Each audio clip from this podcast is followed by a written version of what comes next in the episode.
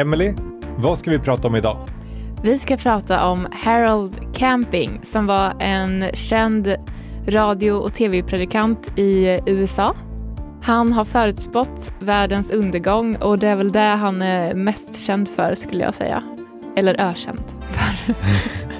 det låter spännande. Uh, mm. Ska vi köra igång? Ja, det gör vi.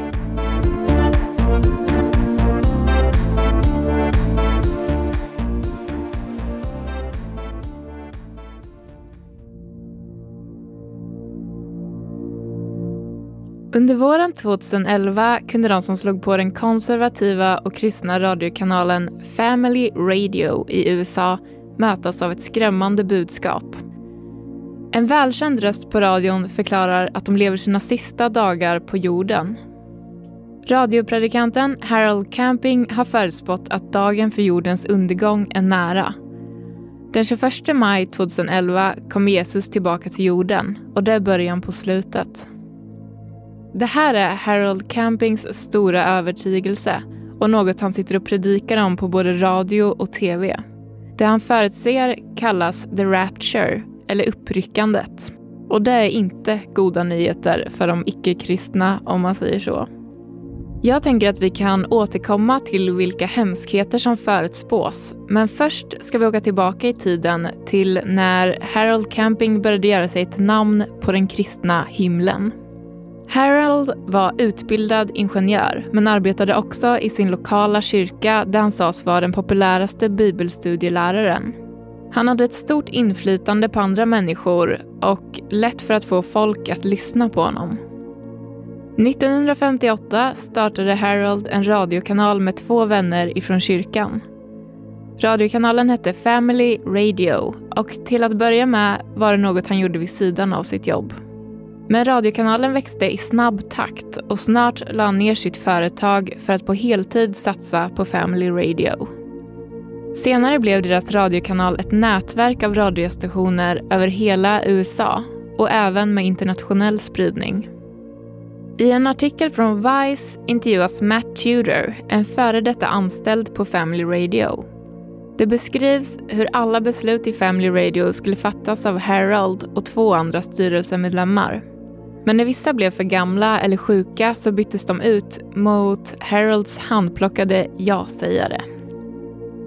Och när Harold hade kontroll över verksamheten började hans domedagspredikningar. Den första gången han förutspådde världens undergång var 1994. När det visade sig att inget hände så fick hans rykte en rejäl smäll och han förlorade mycket av alla donationer som kom till radiostationen.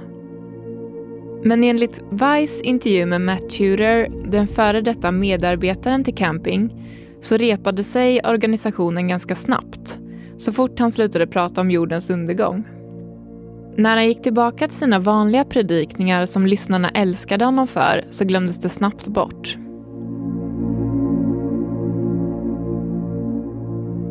Okej, då har vi fått en liten bild av Harold Camping. Mm, precis. Ja, han verkar härlig. Eh, ja. Men du sa att de startade sin radiokanal, det här Family Radio, 58, 1958. Mm, precis. Och sen höll han på i alla fall fram till 2011, låter det som. Ja, så... precis. Det var väl fram till då han var aktiv. Sen så blev det en liten flopp där, om man säger så. Och då... Ah, Okej, okay. men han höll på väldigt länge i alla fall, över 50 år då. Ja. Måste ha varit ganska gammal vid ja, den tiden. Han var väl 90 år där 2011. Okej. Okay. Ja, men jag gissar på att vi kommer in på 2011 lite senare. Men jag tänkte se det här Family Radio. Mm. Var det, alltså, för det verkar som att det är ganska bra för honom. Han, satsade, han hoppade av sitt jobb och satsade allt på radion. Precis. Han följde sin dröm. Ja, då var han ganska gammal. Han hade ju liksom haft en hel karriär som ingenjör och hade sitt egna typ byggföretag ah, okay. och sådär. Så, så han, kanske han, hade, rätt... han hade mycket, mycket kanske pengar och tillgångar redan innan han hade råd att satsa på det. Precis.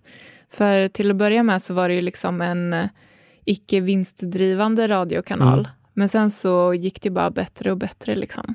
Okay. Och, eh, Men 2000... vad var det, hur var det de, de liksom tjänade sina pengar? För de blev ju ganska stora sen. Ja, alltså till 95 procent så var det liksom gåvor ifrån deras lyssnare. Så att de var ju otroligt generösa, måste man säga.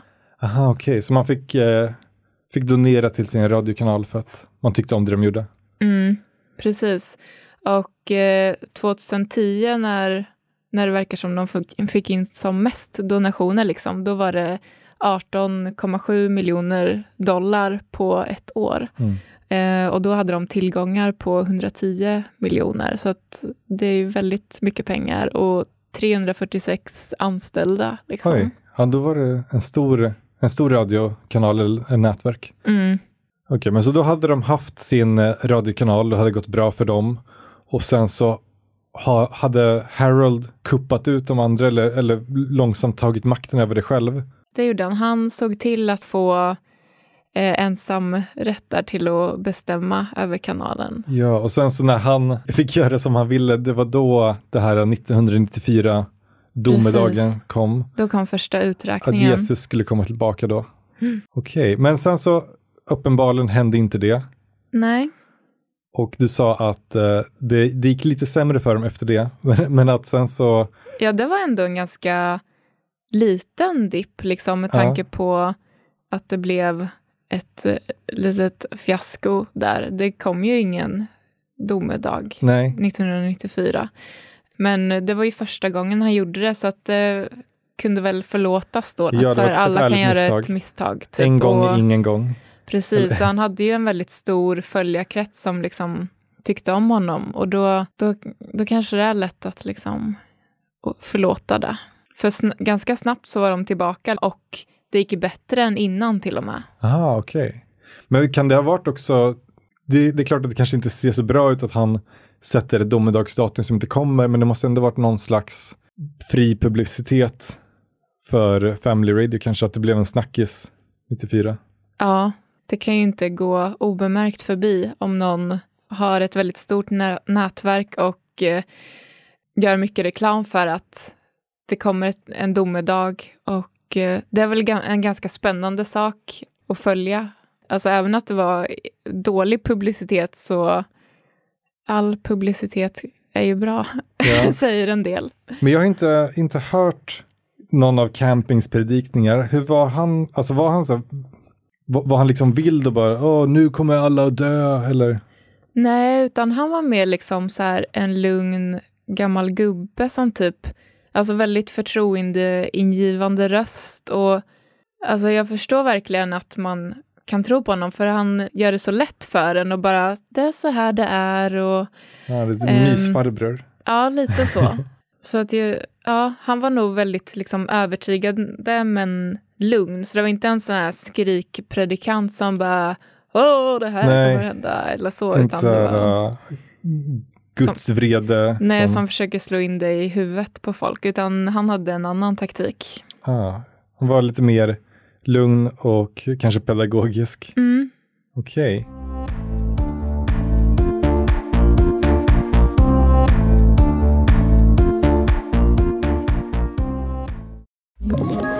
Ett poddtips från Podplay.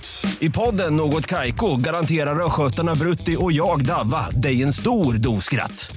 Där följer jag pladask för köttätandet igen. Man är lite som en jävla vampyr. Man har fått lite blodsmak och då måste man ha mer. Udda spaningar, fängslande anekdoter och en och annan arg rant. Jag måste ha mitt kaffe på morgonen för annars är jag ingen trevlig människa. Då är du ingen trevlig människa, punkt. Något Kaiko, hör du på Podplay. Därför är gardinerna.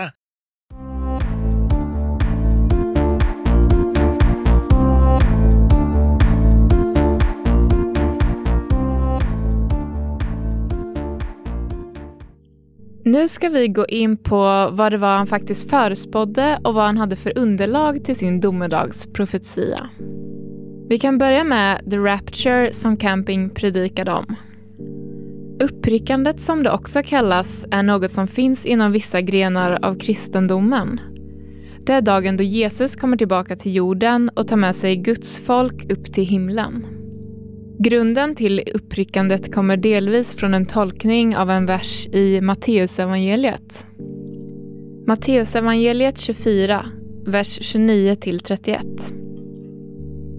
Strax efter de dagars nöd ska solen förmörkas och månen inte längre ge sitt sken. Stjärnorna ska falla från himlen och himlens makter ska skakas. Då ska Människosonens tecken synas på himlen och jordens alla folk ska jämra sig när de ser Människosonen komma på himlens moln med stor makt och härlighet.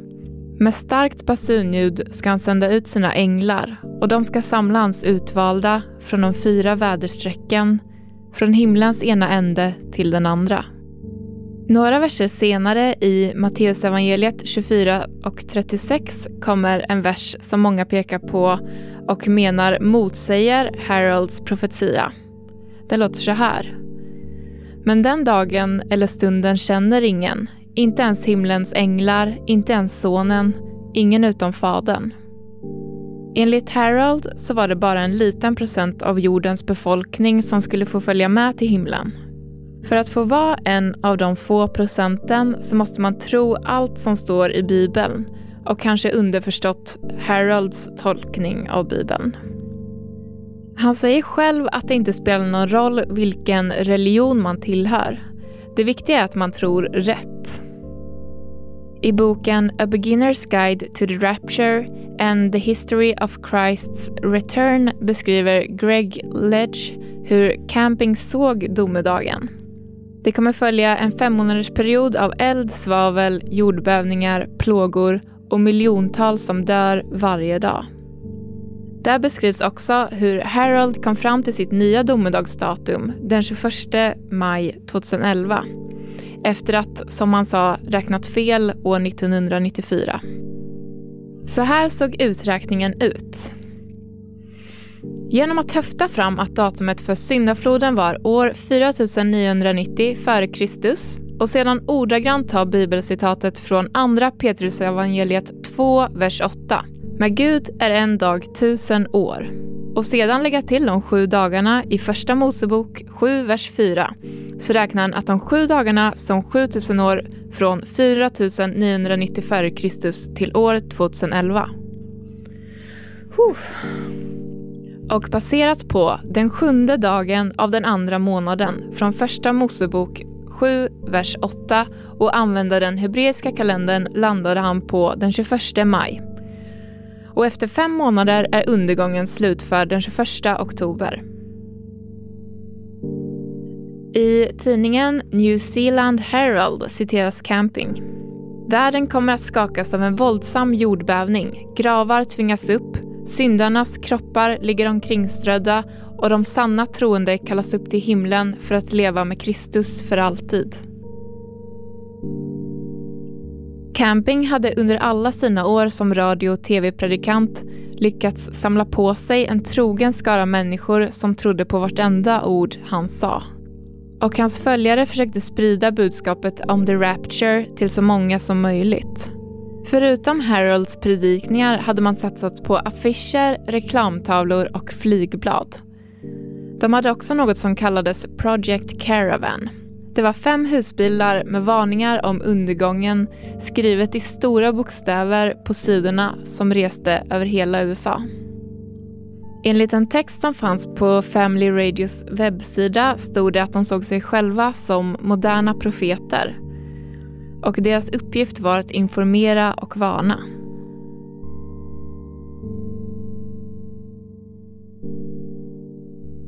Så det han hade räknat ut var då att Domedagen börjar den 21 maj 2011 och sen så håller den på i fem månader och är helt färdig den 21 oktober.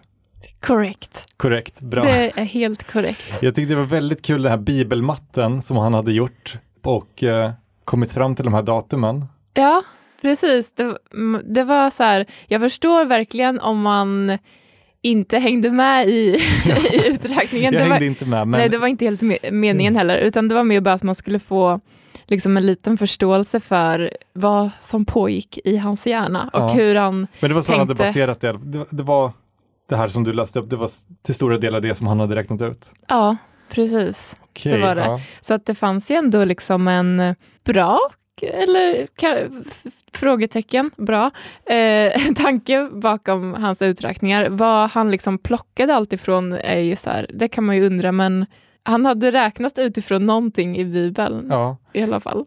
Det var intressant tillvägagångssätt att läsa Bibeln och uh, försöka hitta det här uh, matteproblemet för domedagen och, och hitta lösning på det. Ja, eh, precis. Eh, jag vet inte om liksom, så många tänker att Bibeln är en matematisk gåta som ska knäckas, typ. Men Harold eh, kommer ju från liksom, en bakgrund som ingenjör och eh, jag undrar om liksom, han hade lite svårt att släppa det.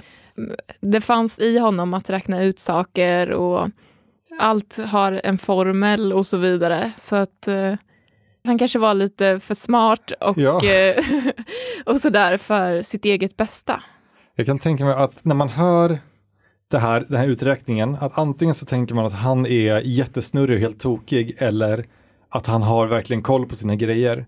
Att här är någon som, som äntligen fattar. Mm. Och hans följare, de tänkte nog att den här killen, han, han har koll på... Ja, för det måste, även om kanske de flesta inte tror på det, så, så verkar det ha varit en, en, ändå, en, en skara människor som, som tog till sig hans uträkningar och hans mm. budskap mm. och, och köpte allting. Precis, och så får man ju också tänka på att eh, alltså när han kom med de här uträkningarna så hade ju han hållit på i hur många år som helst med sin radiokanal, så han hade ju liksom jättemycket trogna följare och... Eh, ja, han hade väl hållit på i, måste vara över 50 år ja, där, vid den punkten. För han var ju runt, ja, lite över 90 tror jag där, när den här andra domedagsdatumet eh, kom, mm. det som var 2011. Så att eh, Ja. Men man fattar ju också då om det är så att han har hållit på så himla länge och syns i radio och tv. Vissa människor kanske sett honom eller hört honom hela sina liv och han har funnits med som, som en, en trygg röst i radion eller som någon slags andlig vägledare som, har, som han har kunnat hitta svar hos. Precis, för han är ju väldigt liksom, när man lyssnar på intervjuer och så, eller ja, predikningar eller bara när han pratar, liksom, då är han ju väldigt förtroendeingivande och lugn och han är ju liksom ingen så predikant som bara står och bankar in saker i huvudet på folk och, och skriker, typ den taktiken som eh, vissa har. Utan, eh, det är lite ja, mer behagligt. Precis. Jag tror det så här, många kan säkert hitta en trygghet i hans röst på något sätt och hans eh, ja, lite övertygande ja. sätt. Men han sa ju själv att han hade räknat fel när han fick fram det här eh, förra datumet som var vid 1994 hur såg, han, hur såg han på det nu? Hade han liksom någon felmarginal på det här 2011-datumet, 21 maj? Var han, eller var han liksom bergsäker på att den här gången hade han fått till det rätt? Eller? Nej, men det var ju ingen tvekan om saken att uh, det skulle hända. Så okay. att han var 100% övertygad själv. Och det gjorde det väl liksom lätt att tro på honom också eftersom att han visste att så här kommer det bli. Jag har ju mm. räknat ut det. Liksom. Jag, jag kan det här om man levt ett helt liv och liksom människor har lyssnat på vad han har sagt och sådär. Jag tror kanske att man kan få lite storhetsvansinne och eh, liksom han kände sig väl kanske som utsänd från Gud ja. och eh, att han, han hade koll på det här. Han hade koll på det. Mm. Med tanke på att han var så himla övertygad om det här så kände han ju också att eh, jag måste berätta för andra, för det står också i Bibeln, eller det, i Hesekiel 33 står det så här. När jag låter svärdet drabba ett land och folket i det landet utser en man bland sig och gör honom till sin väktare. Och han ser svärdet komma över landet och blåser i hornet och varnar folket. Ah, så det var hans, hans plikt att varna? Ja, och kanske också um, hans följare kände också att de var det var de som var väktaren och de skulle blåsa i hornet för att varna. Precis. Nu vet vi om att det här kommer hända och då måste vi berätta det för alla andra mm. så att vi varnar dem. Så att de som vill få en chans att tro rätt kan, kan passa på nu innan domedagen kommer. Precis. Eh, och det kan man ju verkligen säga att de gick in för. Alltså det var ju helt sjuka reklamkampanjer om den här eh, ja, 21 maj runt, 2011. Körde runt med någon informationskampanj och hade billboards och affischer och pamfletter. Och... Precis, det var liksom 5000 affischer och billboards runt om i hela USA och eh, på dem står det saker som typ Save the date, Return of the Christ May 21st och Judgment Day May 21st och sådär. Och det står också eh, typ så här, som med en liten stjärna på de här affischerna som det står typ Judgment Day, May 21st. The Bible guarantees it. typ. Som att så här, ja jag vet inte, det är en Okej, reklamkampanj väl- fast det är bara om... Reklamigt språk. Ja, Så domedagen, om det inte händer får du dina pengar tillbaka. Ja, exakt så.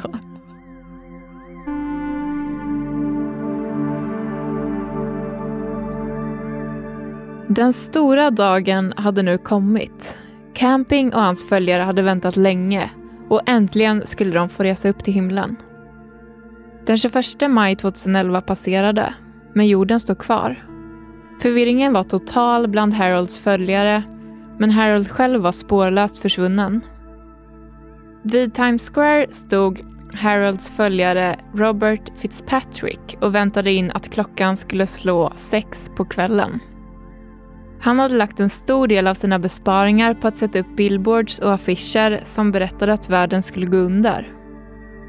Jag hittade ett klipp från när Robert Fitzpatrick står där och är omringad av folk och klockan passerar 18 utan att något händer.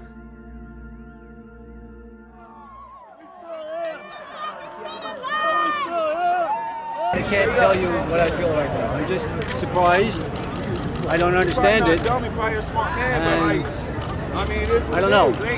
I don't understand what I think it's going to happen next year? 2012, maybe. No, no, this is the year. All the calculations indicate this is the year. It's locked in for 2011.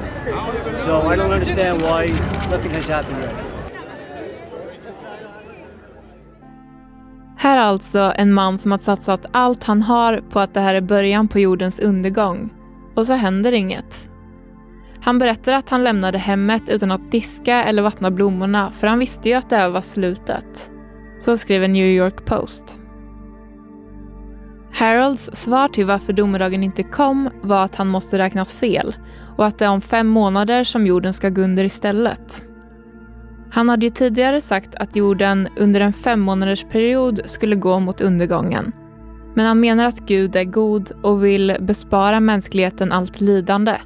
Och istället så sker The Rapture på bara en dag, den 21 oktober. Men nu har förtroendet för Harolds uträkningar svalnat.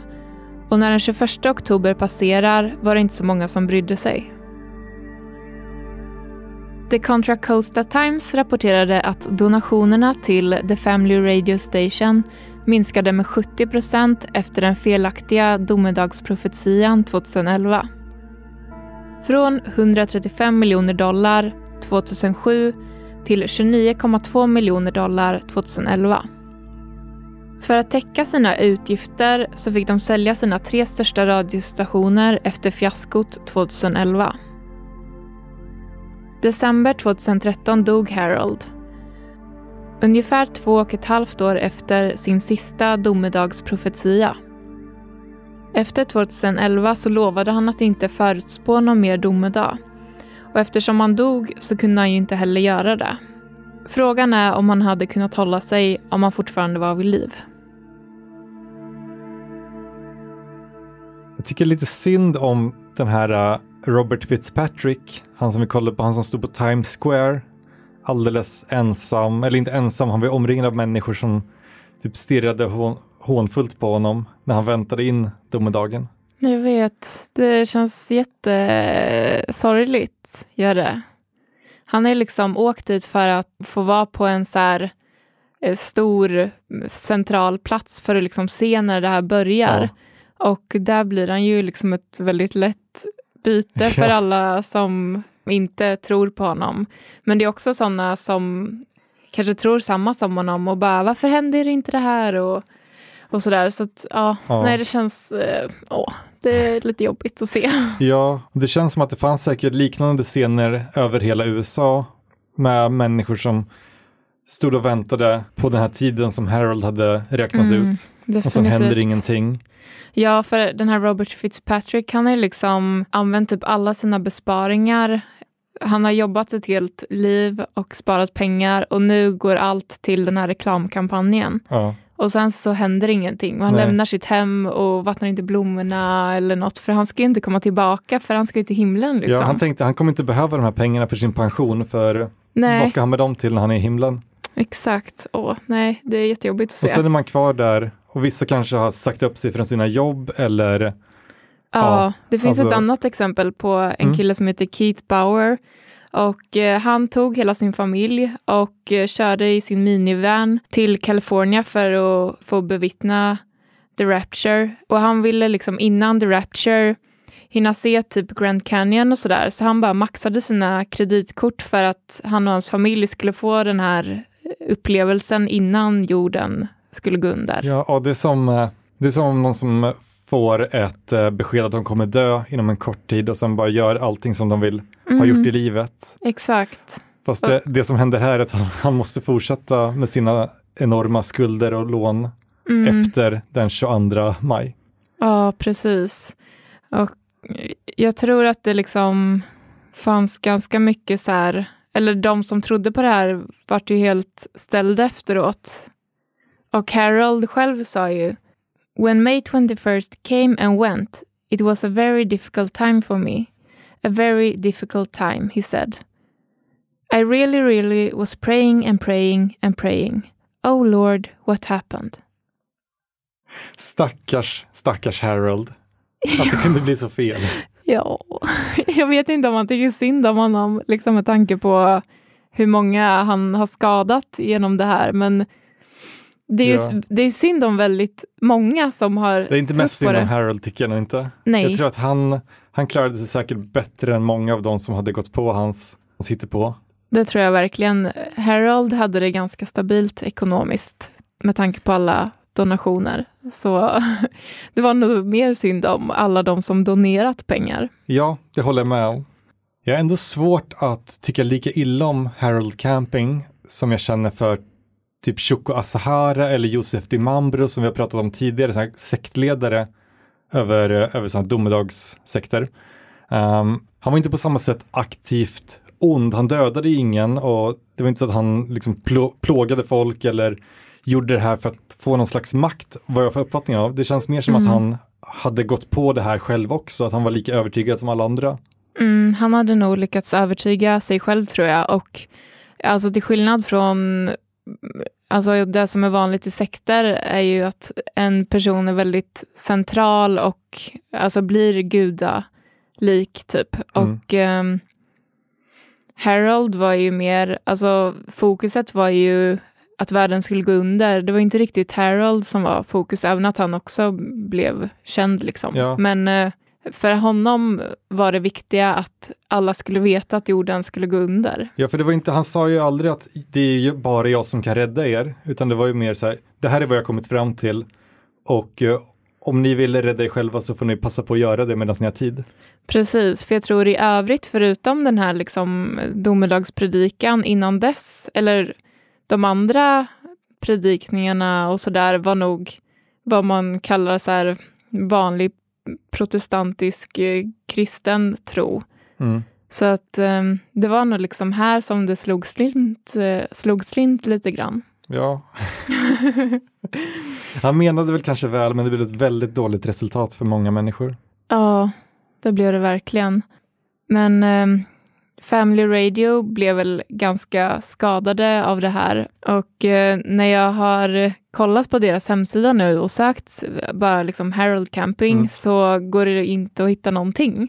Det är Jaha. skitkonstigt. Så de har eftersom- skruvat bort allt med Harold Campings namn från Ja. sin webbsida? Det verkar som det, om inte jag är skitdålig på att söka. men eh, jag tänker att eftersom han är en av grundarna så borde han ändå ha gjort något. Eh, liksom. Ja, eller hur? Han, som sagt, han var en av grundarna, men nu Ja, precis. Och sände liksom radio och tv i typ 50 år. Så att, och var omtyckt under den tiden också. ja, men nu, Nu låtsas de som att inget har hänt. ja precis. För att typ kanske kunna gå vidare.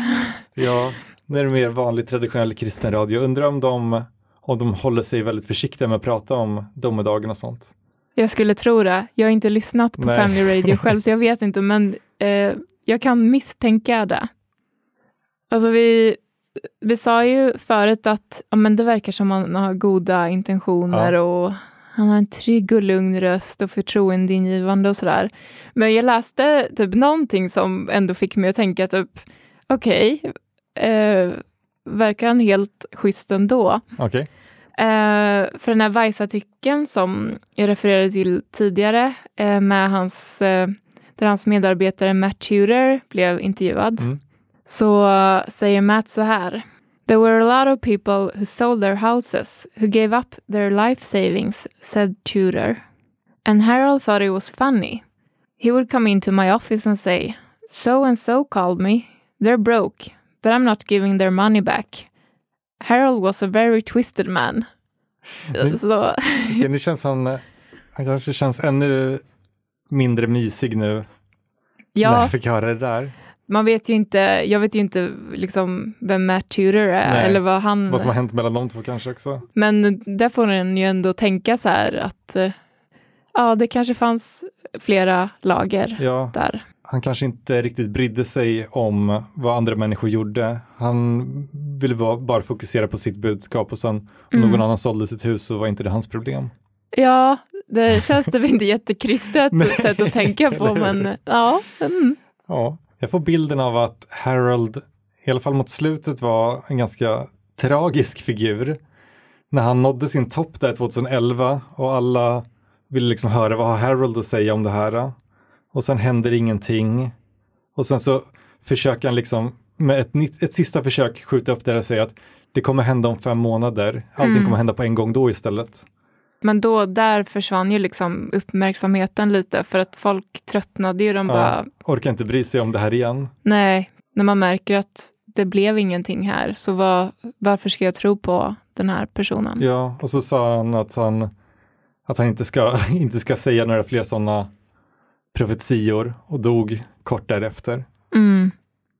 Och att eh, Family Radio inte heller vill ha hans namn i sin närhet. Nej, precis. Så han slutade ju inte riktigt på topp där. Men jag skulle kunna tipsa om, det finns på Youtube en kort dokumentär på typ så här 13 minuter om Robert Fitzpatrick. Och det var ju han som stod där vid Times Square och eh, väntade på att domedagen skulle komma och hade typ skänkt bort alla sina pengar och sådär. Jag tror det kan vara, eller jag tyckte att den var väldigt intressant. Ja, Sorglig, men ja, jag kan rekommendera den om man vill eh, liksom se mer om det här. Men som du sa tidigare, undrar om Harold, om han hade haft 20 år till att leva eller något sånt, om han hade kunnat hålla sig från att, eh, att sätta ett sista datum. Jag tror inte det.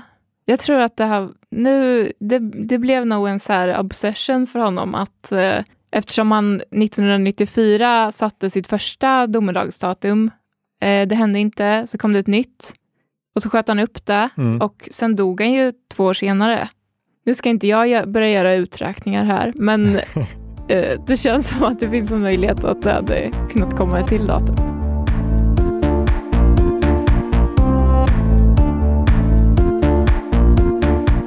Tack så mycket Emily för att vi fick hänga med på berättelsen om Harold Camping och alla hans domedagsdatum. Ja, men han är en ganska så intressant person att följa ändå tycker jag. Ja, både han och hans följare var, verkar vara en intressant grupp människor. Ja, verkligen.